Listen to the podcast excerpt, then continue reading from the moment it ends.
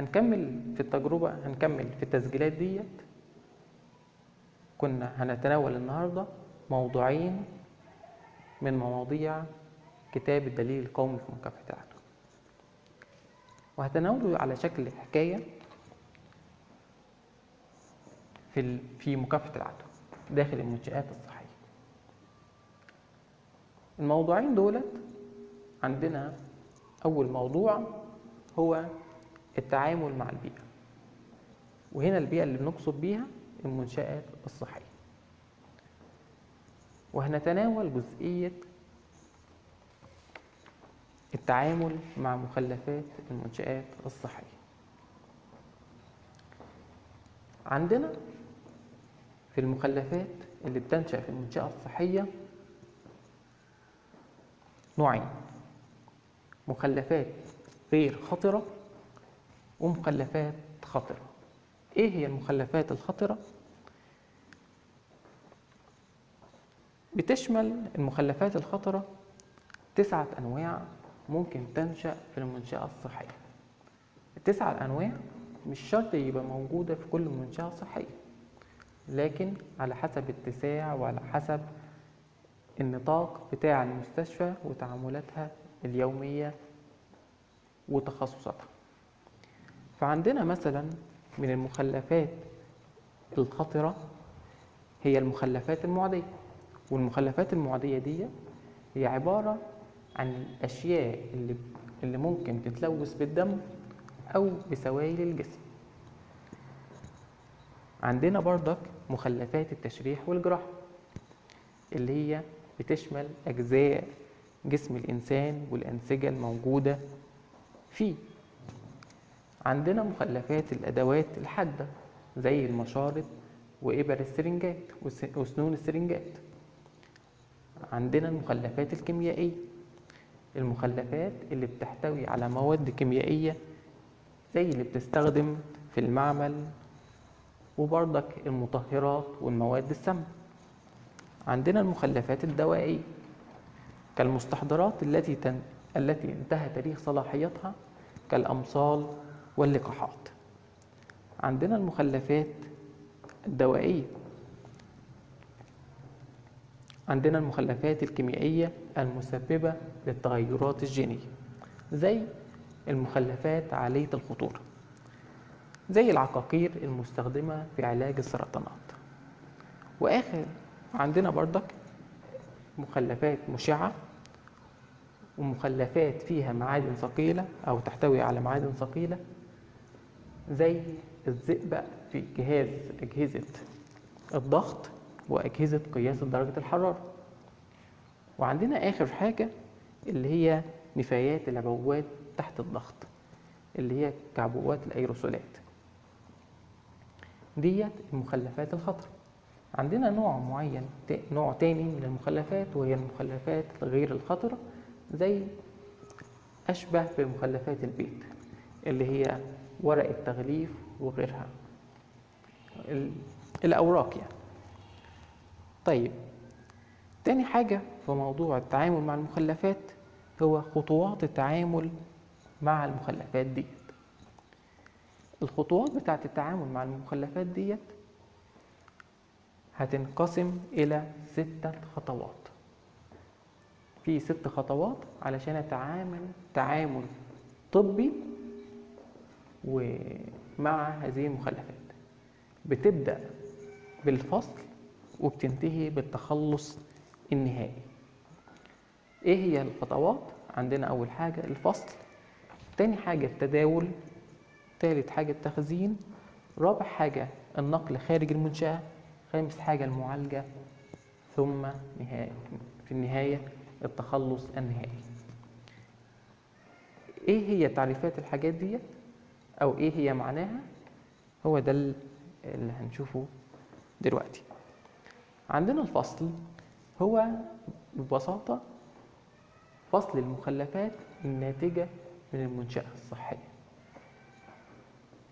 فصلها في المكان في مكان تكوينها. فعندنا مخلفات خطرة ومخلفات غير خطرة. هنفصلها في مكان التكون بتاعها.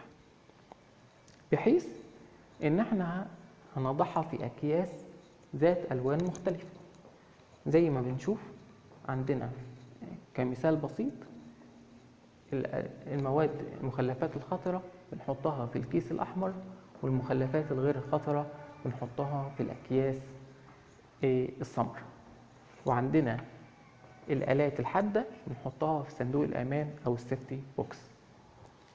تاني حاجة التداول. بنجمع بعد بنجمع المخلفات وننقلها داخل المنشأة علشان نحطها في مكان مخصص للمخلفات داخل المنشأة حتى يتم معالجتها أو نقلها خارج المنشأة. التداول لازم يكون في كونتينر ويبقى سهل الت- التنظيف والتطهير ويبقى مغطى ليه غطاء؟ ماشي؟ تالت حاجة عندنا التخزين المؤقت. التخزين المؤقت بنخزن المخلفات في مكان مخصص داخل المنشأة لحين نقلها والتخلص النهائي منها.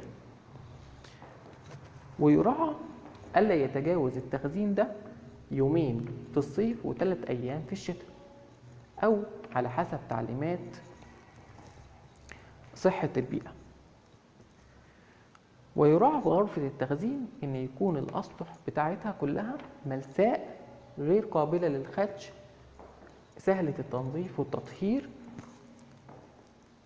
ومحكمة الإغلاق ومضادة لانتشار الحشرات والقوارض ويوجد بها بها مصدر للمياه الجارية. رابع حاجة هو النقل خارج المنشأة. وذلك في حالة عدم وجود معالجة داخل المنشأة. طيب خامس حاجة عندنا المعالجة والمعالجة للمخلفات الخطرة بتتم حاجة من حاجة من حاجتين يا إما بالحرق أو بدون الحرق. الحرق بيتم في درجة حرارة 1200 على الأقل. وأما المعالجة التانية فغير الحرق عن طريق الفرم بعد التعقيم. الفرم بعد التعقيم. آخر حاجة اللي هو التخلص النهائي من المخلفات في حالة المواد الصلبة يتم دفنها وذلك بعد معالجتها تمام المعالجة لها المخلفات السائلة بيتم سكبها في أماكن خاصة. وبكده تنتهي تنتهي معالجة الم- المخلفات إيه، دورة إيه، معالجة المخلفات في المنشأة الطبي وينتهي شابتر التعامل مع المخلفات. هنتكلم في تاني حاجة عن التخزين والتحضير والتداول الآمن للعلاج الطبي. هنتكلم في في أربع نقاط. الغرض منه الاشتراطات الواجبة غرفة تحضير العلاج وتخزين العلاج. إيه الغرض من التحضير والتخزين والتداول الآمن للعلاج؟ الغرض منه إن هو أحد المكونات أساليب المانعة للتلوث. واللي بنستخدمها لخفض معدل العدوى داخل المنشأة الصحية. طيب تاني نقطة إيه هي الاشتراطات الواجبة واللازمة علشان نقدر نقول إن إحنا بنخزن وبنحضر وبنتداول بصورة آمنة للعلاج الطبي داخل المنشأة الصحية؟ عندنا سبعة اشتراطات وممكن نلاقي اشتراطات تانية على حسب سياسة كل منشأة وعلى حسب آه، كل جديد آه، في ال- في مجال مكافحة العدوى والسياسات والتغييرات اللي بتحصل في مكا- في مكافحة العدوى فمثلا من الاشتراطات ديت عدم التحضير المسبق للأدوية وتخزين وتخزينها. تاني حاجة عدم فتح السرنجة الجديدة إلا عند الاستخدام. تالت حاجة عدم استخدام السرنجة الواحدة لأكثر من مريض حتى لو غيرنا السن. رابع حاجة استخدام أمبولات الماء المعقم أحادية الاستخدام. خامس حاجة تطهير الغطاء المطاطي لعبوات العلاج بالكحول وتركه يجف قبل الاستخدام. سادس حاجة هو تخصيص العبوات متعددة الجرعات لمريض واحد قدر الإمكان. وإذا تطلب الأمر استخدامها لأكثر من مريض فيتم تحضير العلاج في مكان مخصص. آخر حاجة عند خلط وتركيب المحاليل والعلاج يفضل في الصيدلية يفضل نعملها في الصيدلانية الصي- الصيدلية الكلينيكية داخل المنشأة الصحية أو في غرفة مخصصة لذلك. لو ما عندناش صيدلية إكلينيكية طيب إيه هي مواصفات الصيدلية الإكلينيكية لو نوينا أو فكرنا كمنشأة صحية إن هي تنشئ صيدلية إكلينيكية أهم حاجة فيها هي التهوية. والتهوية ديت لها خمس شروط. أول حاجة يجب أن تكون ذات ضغط موجب. تاني حاجة يجب تزويد مدخل الهواء بمرشحات هوائية بكتيرية عالية الكفاءة. تالت حاجة لازم حوائط تكون غير مسامية ويسهل تنظيفها وتطهيرها بصورة مستمرة. رابع حاجة الأرضيات تكون من مواد غير مسامية وغير قابلة للخدش. خامس حاجة مزودة بكبائن أمان من الدرجة الثانية. آخر حاجة في التخزين والتحضير والتداول الآمن للعلاج هو تخزين العلاج. بنقول بيتم التخزين على حسب مرا... على حسب تعليمات الشركة المصنعة لكل علاج. هنستخدم التلاجات والفريزر لتخزين الطعوم والهرمونات حسب توصيات الشركات المصنعة. بحيث إن تكون التلاجات والفريزر مزودة بنظام بمنظم لدرجة الحرارة وبتسجل الحرارة مرتين يوميا. وبكده ننتهي من شابتر التخزين والتحضير والتداول الآمن للعلاج الطبي من مصدر الدليل القومي في مكافحة العدوى وبكده تنتهي الحكاية الأسبوعية الأولى مع في في في التجربة دي.